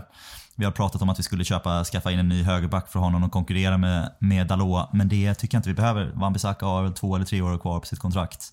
Och uh, han är väl 25 år eller någonting. Uh, så jag tycker det är uh, kan, kanonspelare att ha tillbaka och jag kan mycket väl se att han spelar lika många eller fler matcher än Dalot fram till, uh, fram till maj. Känns inte omöjligt. Mm, ja, jag vill vänta med att utvärdera Wan-Bissakas framtid fram till sommaren. När jag säsongen ut sen vill jag ge, liksom, ge en slutgiltig utvärdering på honom. För det kan också vara liksom en formtopp eller det är någonting som vi ser här och nu som helt plötsligt inte alls syns resten av säsongen sen. Så jag vill slänga in den brasklappen. Men annars så, så här, jag tycker fortfarande att Dalot ska vara första valet i den mån det går. I, så här, i typ 70% av matcherna så tycker jag att Dalot är den typen av ytterback som vi ska premiera att använda i laget för det är då vi förväntas och vill och ska vara spelförande liksom, till, eh, ja, men i tillräcklig nivå för att det, det ger mer utslag att ha en högerback som har de egenskaperna som Dalot har kontra Wan-Bissaka. Uh, eh, Så för mig är Dalot den som ska starta flest matcher under våren, men Wan-Bissaka är väldigt nyttig att ha i laget och något som uh, vi inte ska underskatta vikten av. Den inverterade mittfältstriangeln med Fred Eriksen och Casemiro är nya nyckeln till att kunna utmana de allra bästa. Vad har du för take här, Gustav? Ja, nej men lite. Eh, det är ju... Det funkade ju bra här mot City. Det, det kan man ju konstatera. Eh, men det blir ju... Eh, det blir, blir väldigt lidande. Jag tycker det är på något sätt så, nu har vi, nu har vi hyllat den här, här insatsen till till toppen här nu i hur det har varit i helgen. Men lite kan jag känna att vi satt ju, vi satt ju och klagade i 75 minuter i viss mån på, på Old Trafford också i hur extremt svårt vi hade att ha ett eget possessionspel mot visserligen ett världsklass eh, högt pressande Manchester City. Som såg till att David de Gea fick vara vår spelfördelare mer eller mindre hela matchen. Och där, där känner man att det... Eh, jag, i, I grund och botten inte nöjd med vår, vår offensiva insats alls mot Manchester City. Vi har ju några riktigt vassa omställningar och vi har ju bra expected goals. Det vet vi, men jag tycker i det stora hela så är det hemma på Old Trafford, visserligen mot ett väldigt bra, bra motstånd, så tycker jag att vi ska kunna spela oss igenom vårt mittfält betydligt bättre än, än vad vi gör. Så nu, nu väljer vi då att, att vända på triangeln och så ha Fred nedanför som städgubbe istället för att ha en Bruno Fernandes ovanför i triangeln. Eh, och det tror jag är någonting vi kommer använda oss mer av eh, i fler matcher, säkerligen kanske redan nästa helg här som vi, som vi kommer prata om ganska snart när det är toppmatch igen. Men jag är lite, lite tudelad på det. Jag hoppas att det inte är någonting vi använder för mycket bara för att vi blir trygga i det. Eh, utan nu när vi till exempel möter Palace här emellan så att vi ställer upp lite mer offensivt och att vi vågar gå för det lite mer. Vi satt och klagade på att vi inte vågade gå för det eh, mot, mot City här i ja, minst en timme. Så jag tycker att det är, det är någonting som kommer funka. reaktivt mot väldigt, väldigt, väldigt bra motstånd. Helst gärna på bortaplan tycker jag. Jag tycker tveksamt på om man ska spela, spela på det sättet på hemmaplan. Men, eh, men det funkar. Men det är, det är inte sättet som kommer göra att vi, vi hakar med i en guldstrid eller att vi vinner titlar. Utan det är ytterligare en sak i vår portfölj som vi kan använda vid, vid specifika tillfällen. Men det är ingenting som vi ska hänga vår hatt på här för att bli ett bättre lag. Det funkar ett litet tag till, men eh, vi måste bli betydligt bättre spelförande. Långt svar. Ja, men jag, jag, håller med dig väldigt mycket i det du säger. Eh, inte allt, men det mesta. Jag, jag tror att det mycket här handlar om att, för jag ser många som säger också så här, men så här, den här typen av segrar tog vi även under Solskär och det gjorde vi. Men där fanns det också inget annat spel i andra matcher eller, eller egentligen i delar av matcherna. Det som vi ser här, jag har inget problem med att vi spelar så här någon gång då och då och det är helt rimligt att eh, applicera den approachen mot ett City när vi vet vad de har för styrkor, när vi vet vart vi är i processen av liksom utveckla laget kontra vad de är som är i, alltså helt färdiga i grund och botten. Så jag har noll eh, egentligen sätta emot det överhuvudtaget. Och jag kan till och med tycka att det går att göra det någon gång då och då, även när man är ett eh, fullt färdigt lag också, att välja den vägen, även på hemmaplan någon gång då och då. Men i det stora hela så är det klart att det inte är så vi ska spela. Men så här, som påståendet är att det är nyckeln till att kunna utmana de allra bästa i enskilda matcher, ja, det är en jävla taktisk edge att kunna ha eh, den flexibiliteten, att kunna svänga om så att alla bara ställer in sig på det och att det funkar så bra som det gör. Eh, men på det stora hela är det andra spelet som vi framförallt ska utveckla ännu mer än vad vi har gjort. Även om jag tycker att vi kommit långt på vägen där så är vi fortfarande en jättebra bit ifrån där som vi vill och bör vara för att vara den här jättestora maxfaktorn som vi ändå ska sträva efter och vill vara förr eller senare. Så eh, jag har svårt att inte säga varken bu eller bä här, men jag tycker att det är, det är jävligt, eh, jävligt nyttigt och viktigt och sjukt imponerande att se att vi också klarar av att ha de här, den här taktiska flexibiliteten beroende på vilka vi, vi ställs emot och vilka sammanhang det görs i. Nej, men jag, det finns inte jättemycket att fylla i här. För det, jag håller med er bägge två. Men man kan ju säga så här då, givet, eh, givet eh, var vi är i processen och, och att Ten Hag är en väldigt tydlig tränare med hur han vill ha det, hur han vill spela upp bollen, hur han vill reformera ett, eh, ja, ett United i spillror.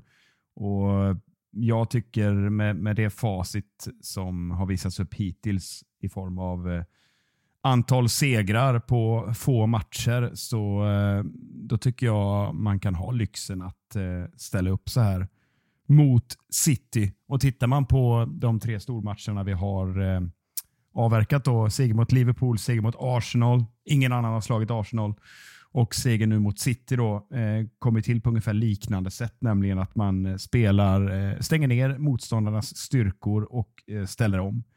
Och jag tänker så här, vad är alternativet då? Ska vi eh, envist försöka spela som han gjorde då i början mot Brighton och Brentford till varje pris spela upp bollen och eh, bli avslöjade och torska. Nej, utan då ser jag hellre att man eh, ställer upp med det här sjukt kompakta laget med, med Fred som vi har nämnt eh, som är en exceptionell rollspelare i, i sådana här matcher och eh, Casemiro och ja, till och med Eriksen eh, som är en utpräglad offensiv spelare finner sig i, i den här man-to-man marking eh, eh upplägget som man väljer här mot City. Så jag tänker så här, visst vi har inte bollen mot de här lagen. Jag skiter i om det är hemma eller borta, men vi vinner och då är jag nöjd. Eh, det andra, det kommer. Nio segrar i rad till trots. Vi är långt ifrån att vara tillbaka än. Och Gustav, du slängde in här så jag tänker att du ska få förklara lite kontext här. Ja, nej men det, är väl, eh, det blir väl alltid så här när man har haft en sån stor era som vi har haft med Ferguson och vi vet vilket DNA vi har i Manchester United att när det börjar gå lite bra så börjar man diskutera, är vi tillbaka nu där vi var eller vad vi brukade vara? Och i den, den liksom, är vi på den där resan till att bli den där storklubben som vi, vi var så himla länge? Och det är, väl, eh, det är väl där någonstans jag pratar om att vara tillbaka. Jag tror att alla förstår att vi inte är ett av Europas fyra bästa lag just nu. Men, eh, men frågan är, har vi, ta, har vi liksom vänt en kurva nu eh, med Ten Hag och de här nya spelarna vi har som gör att, det, är- att vi är nära nog att komma tillbaka till den där storhetstiden. Så det är väl det, det frågeställningen är. Så jag tänker att jag, jag skickar tillbaka den till dig då. Adam, får du starta på den här och vad du tror om vårt långa nio matcher i rad record vinst nu. Är vi tillbaka nu? Eh, tillbaka i den kontexten, nej. Jag tänker att det kan ingen eh, normalt funtad människa tro att vi är. Men eh, med det sagt så vill jag inte lägga någon blöt filt över dem, inklusive jag själv, som känner att vi nog aldrig har varit så här nära sedan Sveriges lämnade. Och jag tar bort ett nog därför vi har aldrig varit så här nära. Med det sagt så är vi fortfarande en bit därifrån som jag nämnde i föregående punkt. Men det som vi har åstadkommit på så här kort tid under Ten Hag och med ett spelarmaterial som är väldigt, väldigt starkt som såklart behöver putsas på sina håll och behöver förstärkas men som i grund och botten har väldigt hög potential så eh, det är egentligen, det, alltså det finns inget annat att säga än att vi är så nära tillbaka, vi har aldrig varit närmare var, än att vara tillbaka än vad vi är just nu och att jag är extremt trygg med att säga att vi kommer vara tillbaka, säger jag med citationstecken, så som du menar precis.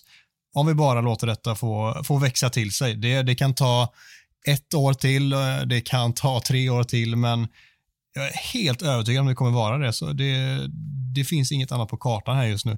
Ja, ska jag hugga in här så, så eh, jag, jag, möjligtvis är jag drabbad av hybris. Eh, jag vet inte, men jag, jag tittar liksom på de andra lagen och visst, Arsenal är otroligt starka nu. Vi kommer att prata mer om dem sen.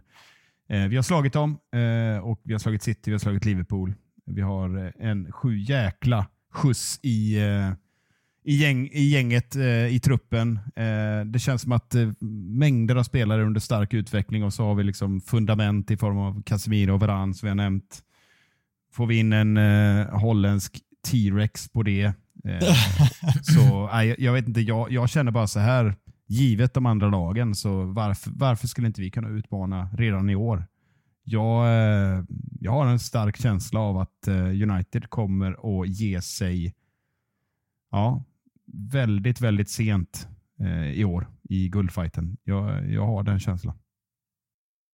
Den vill man inte förstöra, den vill man ju fort, fortsätta att bada i på något sätt och höra, höra mer om. Men jag, men jag känner väl lite att, för, för att bemöta det du säger, varför skulle inte vi kunna konkurrera med, med vad givet vad förutsättningarna är och vilket, vilket motstånd vi har. Jag, jag tycker ändå att nio segrar till trots här att vi är inte tillräckligt starka i vårt eget offensiva grundspel när vi ska ha possession, när vi ska vara boll, bollförande. Vilket vi ska vara i många matcher, vilket gör att om man tittar på de här nio matcherna vi har vunnit så är det ja, men inte jätteklockrena insatser, merparten av dem. Men det är, det är matcher vi har vunnit, mycket riktigt. Men jag tror att det är en risk att eh, om vi fortsätter spela på den nivån när vi ska vara bollförande, att vi kanske inte får samma, samma utdelning gång efter gång här i nio matcher framöver.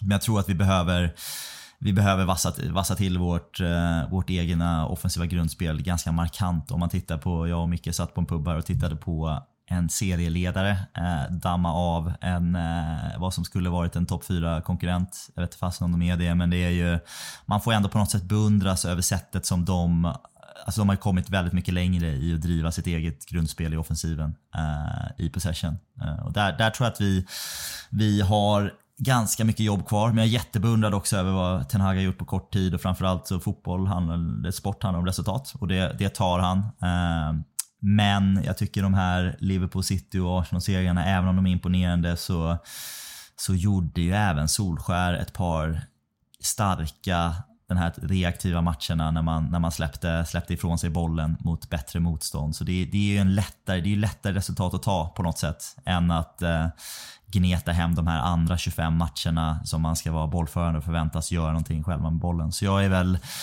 jag är superoptimistisk på, på, på att vi har kommit på så kort tid eh, och tror och hoppas att det kommer gå jättebra men känner att vi har ganska mycket kvar att bevisa innan jag, jag börjar slå fast att vi är, vi är tillbaka där vi ska vara.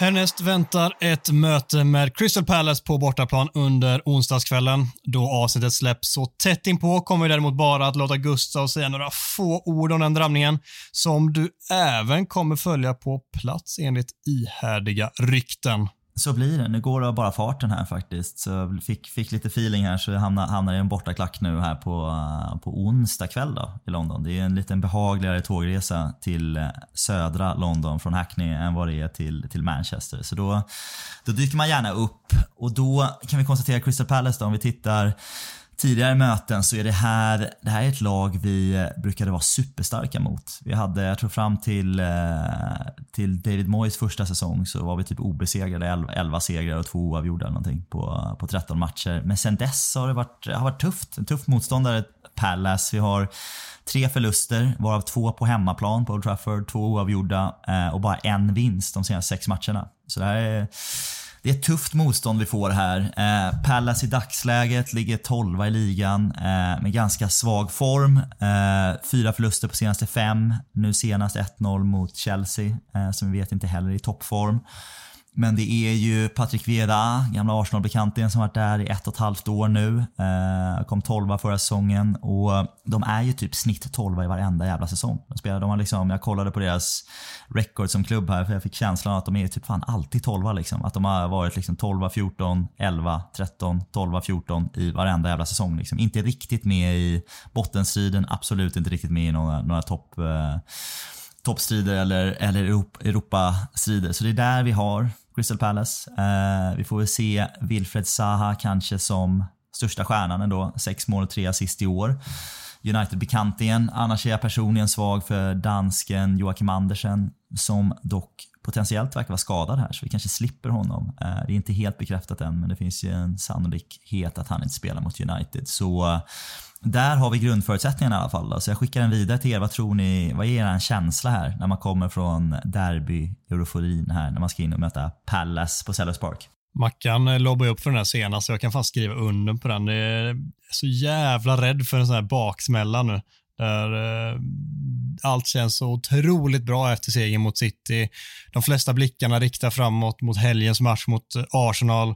Och så har vi en obehaglig bortamatch mot Crystal Palace som ska avverkas däremellan, som bara inte får komma in och vara någon form av eh, partypooper, men som potentiellt kan bli en jävligt obehaglig historia för både spelarna och då således oss supportrar. Det, det är så jag känner där. Jag, här är jag på riktigt eh, oroad plötsligt, vilket jag inte varit på jättelänge, men det, det känns som att det, det kommer så tätt in på. spelare kommer vara slitna, det kommer vara eh, en tuff bortamatch, liksom sen onsdag kväll. Ja, ja, det finns så mycket som jag eh, normalt sett det här året har kunnat se bort ifrån som jag inte kan göra nu som är illavarslande. 0-1 Garnacho. Ja. Det är liksom den här... Inte den här Wout Weghorst eller? Han sparar vi till söndag. Ja, får, dy- får dyka upp då. Ja, den här, den här Micke-optimisten har jag, har jag fått rida på hela helgen här. Det är en härlig, man vill ha lite av den här Mickes optimism när vi sitter och pratar och han så självklart när vi pratar om liksom, ja, jag är en titelutmanare nu och Micke liksom utan att ens blinka säger att så här, ja nej men slår vi Palace Arsenal nu så vi tar sex poäng, då är vi ju liksom, men han säger det med en sån jävla övertygelse att det är klart vi liksom dammar av Palace Arsenal nu, två bortamatcher här i, i rad. Det är inget, inget tufft med dem liksom. Så det är med själv, själv lite, lite mer kanske Adams oro i att man, eh, man är på väg ner här från en jävla jubel och klangfest i helgen och att det är lite tufft. Vi har en potentiellt hattrick här. Gustav eh, kommer gå på tre matcher på, på en vecka. Liksom, eh, och det, då blir det ju tre segrar. Så att jag, jag är inte ett dugg orolig. Får du med den där ryss-Balkan-killen också på alla matcherna så Det måste vara det så. stenklart. Jag ska stå där och krama mig vid alla mål nu, säsongen ut. och sen ska vi fira till bröderna Rångedal, natten lång alltså. Han får gå på min toalett hur många gånger han vill. Ja, så är det. Ska vi prata, prata Arsenal istället eller? ja, det, det tycker jag verkligen vi ska göra. Det är ju Ja. faktiskt så att nästa stora match spelas mot just Arsenal, serieledande Arsenal, som har förlorat en match i år mot Manchester United. Och eh, Den här gången spelas den på Emirates på söndag klockan 17.30. Gustav är återigen på plats som vi nämnde och eh, du har såklart satt ihop en kalasgod motståndarkoll även här. Ja, men så är det. Jag tycker lite histori- historisk kontext måste man ändå ha när det är såna här stormatcher som Arsenal ändå är. Va? Första matchen mot Arsenal spelades 1894. Men då hette vi båda två, två olika lagnamn. Vad, vad hette vi då? då? Vi är som en United-quiz här. Newton Heath. Newton Heath mötte vilka då? Ingen aning. Nej. Där står det. Woolwich Arsenal hette man på den tiden. Eh, höll också till nere i södra London för er som kan nere Woolwich. Eh, så då hette de Woolwich Arsenal. 3-3 blev det den gången.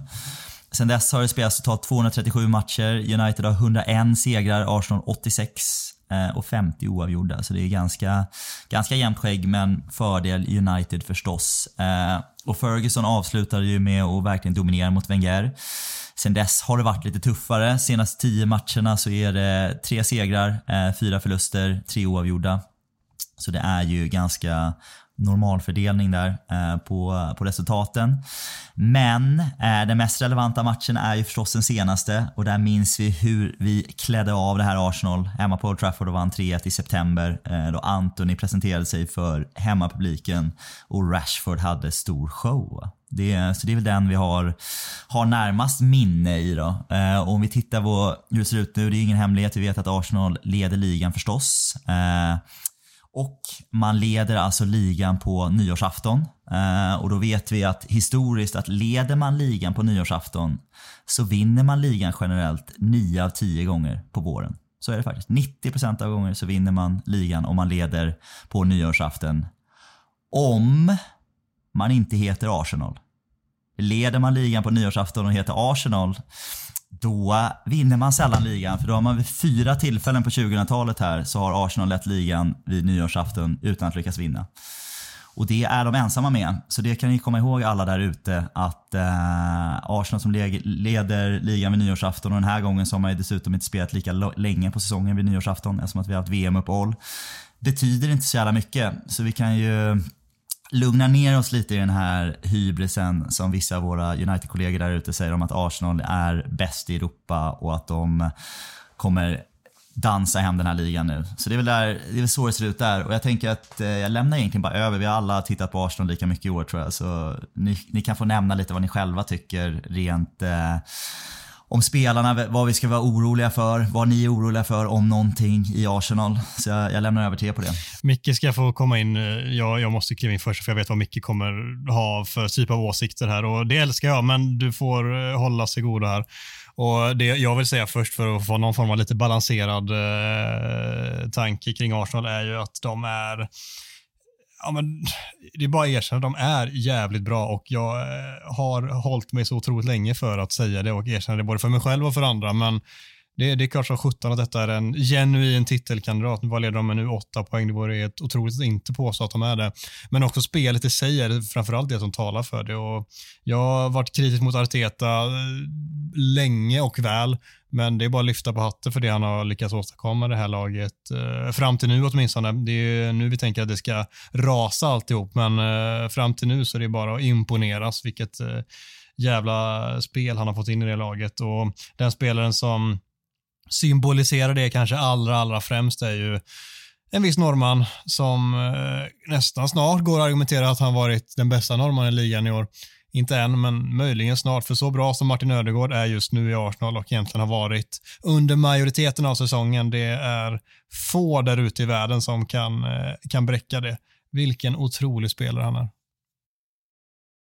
Ja, absolut. Eh, Thomas Partey tycker jag bör nämnas också om jag ska säga något positivt om Arsenal. Eh, otroligt eh, deras motsvarighet till Casemiro. Eh, otroligt stark på bollen och Poor man's Casemiro. ja, med verkligen eh, ett sinnessjukt avslut här också i, i stolpen som står och svajar fortfarande. Eh, det hade Loris tur att han inte fick bollen på sig för då hade han tappat in den bollen också. Men eh, nej, men jag, jag hatten av absolut, men de har ju fått starta med exakt samma lag. De har en skada mer eller mindre på hela säsongen. Det kommer inte att hålla. Det spelar ingen roll hur bra Öregård och Partey är. Någon gång kommer en avstängning, en skada, någonting som gör att de får ta in den här andra sorteringen de var på bänken. Och det vill jag se först. Jag vill se att Arsenal går lite tufft och har lite skador och får slita lite en tre, fyra matcher och se hur de hanterar det.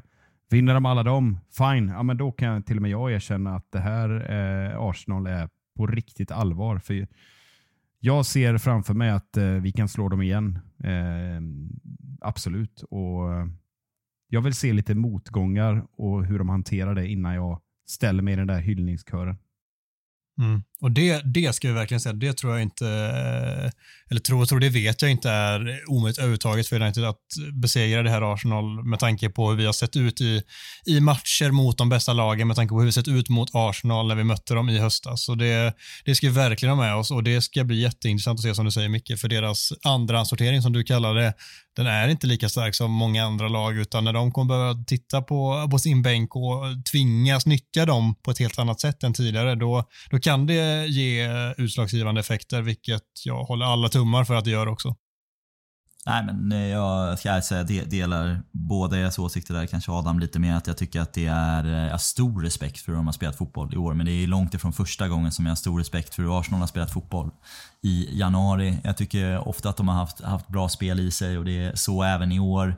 Men jag säger bara vänta till ja, slutet av februari har de, har de tagit sig igenom de här närmsta 6-7 veckorna och fortfarande har, om de har 8 poäng nu, om de fortfarande har 8 poäng eller mer så då tror jag på det här på riktigt. Men jag är helt övertygad om att vi sitter här första mars och att ja, om inte rent krasst kanske sitter och redan har gått om så är de väldigt mycket närmare. Eh, så jag, jag skulle inte sätta mina pengar på att Arsenal vinner titeln i, i maj. Men en, eh, ja, en tuff match har vi och ett, eh, ett Arsenal som inte hade slagit Tottenham på bortaplan här sedan 2014 tror jag. Så det är nästan 10 år eh, av historia som de har bräckt här i helgen. Så de kommer ju också från en high eh, här. Så vi får se vad, se vad det har att bjuda på. Mm. Gustav, vill du se den här inverterade mittfältstriangeln igen? Helst inte, men, men jag misstänker att vi kommer behöva fortsätta se den eh, ett tag till tills vi får ett eh, spel där vi kan åka och dominera mot ett sånt här typ av Arsenal på, på bortaplan. Så jag, jag misstänker att det kanske kommer se lite likadant ut mot Arsenal som det såg ut mot City och det är jag egentligen inte jätteförtjust i för jag kände att det var jag, jag, jag känner inte riktigt att vi vinner den där City-matchen med 2-1 eh, så himla många gånger alltså. Men eh, jag kan ha fel. Så, men jag tror att det blir en inverterad mittfältstrio i alla fall. Jag, jag skulle tro att, eh, att eh, Martial inte kommer spela. Jag tror Bruno kommer spela falsk nia och så sätter vi in en ytter, eh, antingen Antoni eller Garnacho på, på, på den positionen och eh, Rashford där uppe. Det, det ser jag framför mig. Men att Fred startar mot Arsenal, det, det skulle bli väldigt förvånad att, om han inte gör det. Nej, och jag, jag tycker att det är rätt också att köra vidare på det. I nuläget det vore naivt att prova eller tro någonting annat i dagsläget. Då tycker jag att det är bättre att erkänna och se sina begränsningar och göra maximal nytta av det. Och det har Erik den här visat att han har eh, otrolig fingertoppskänsla för att göra, så där litar jag blint på våran fagra tränare. Micke, du ska få tippa den här matchen. Det gick ju väldigt bra senast. Vad eh, säger du att det slutar borta mot Arsenal? Nej, men, eh, vi säger väl favorit i repris. Vi vinner med 2-1. Och eh, ännu ett sagolikt avgörande på eh, stopptid. Och Rashford avgör. Punkt. Fan vad härligt det låter alltså. Ja, nej, men jag, jag tror att det blir lite kämpigare mot, eh, mot Palace och vi får en, säg att det blir en ganska tråkig 0-0 match här i helgen. Men sen så, sen så fan, eh, tar vi en jävla 1-0 seger mot Arsenal alltså. Så det, ja, vi går, går ifrån den här veckan med tre poäng. Två hållna nollor väntar, men eh, fyra poäng då Så. alltså. Så är det. Ja, det är... Fan, det känns jobbigt att säga taget när man räknar in ett kryss mot Pärla samtidigt, men eh, att besegra Arsenal i detta läget, eh, klart som fan att det är taget. Eh, jag tror att vi eh, lyckas besegra dem också. Jag säger inte 1-0, jag säger inte 2-1. Jag sa 3-2 senast, det blir ingen sluggefest den här gången, men det blir, eh, det blir 2-0. United gör 1-0 tämligen sent, 78. Arsenal trycker på och pressar som fan. Och så har vi Rashford som bara kutar in 2-0 i 89. Och så vet vi den här eh, borta liksom, kurvan, klicken nere i hörnet där på Emirates och där springer hela laget fram och badar med supporterna och Gustav står längst fram och kysser Rashford på munnen. Tillsammans med Oleg.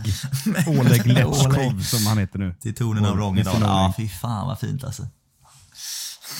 Hudgås. Ja, värm upp eh, läpparna med så här läppbalsam och allt möjligt Gustav, för det blir en sju jävla kyss här på lördag, eller på söndag. Ja, den får ni. Den får ni. Ja, fan vad härligt. Vilken jävla United-vecka vi har framför oss. Komma från en sån här jävla fin helg och så har vi en sån här vecka framför oss. Nu är man lycklig United-fan känner jag. Ja, det enda som oroar mig är att den här matchen spelas på min födelsedag och det känns jävligt jobbigt. Förra året spelade United mot West Ham hemma, avgjorde i 94 minuten via Rashford. Så eh, jag hoppas att vi får eh, något liknande den här gången, men fan det är alltid extra mycket ångest för när man går runt med så här pessimistkänslor som jag oftast gör i, i normalfall så ser man ju bara hur hela dagen ska skita sig på grund av det.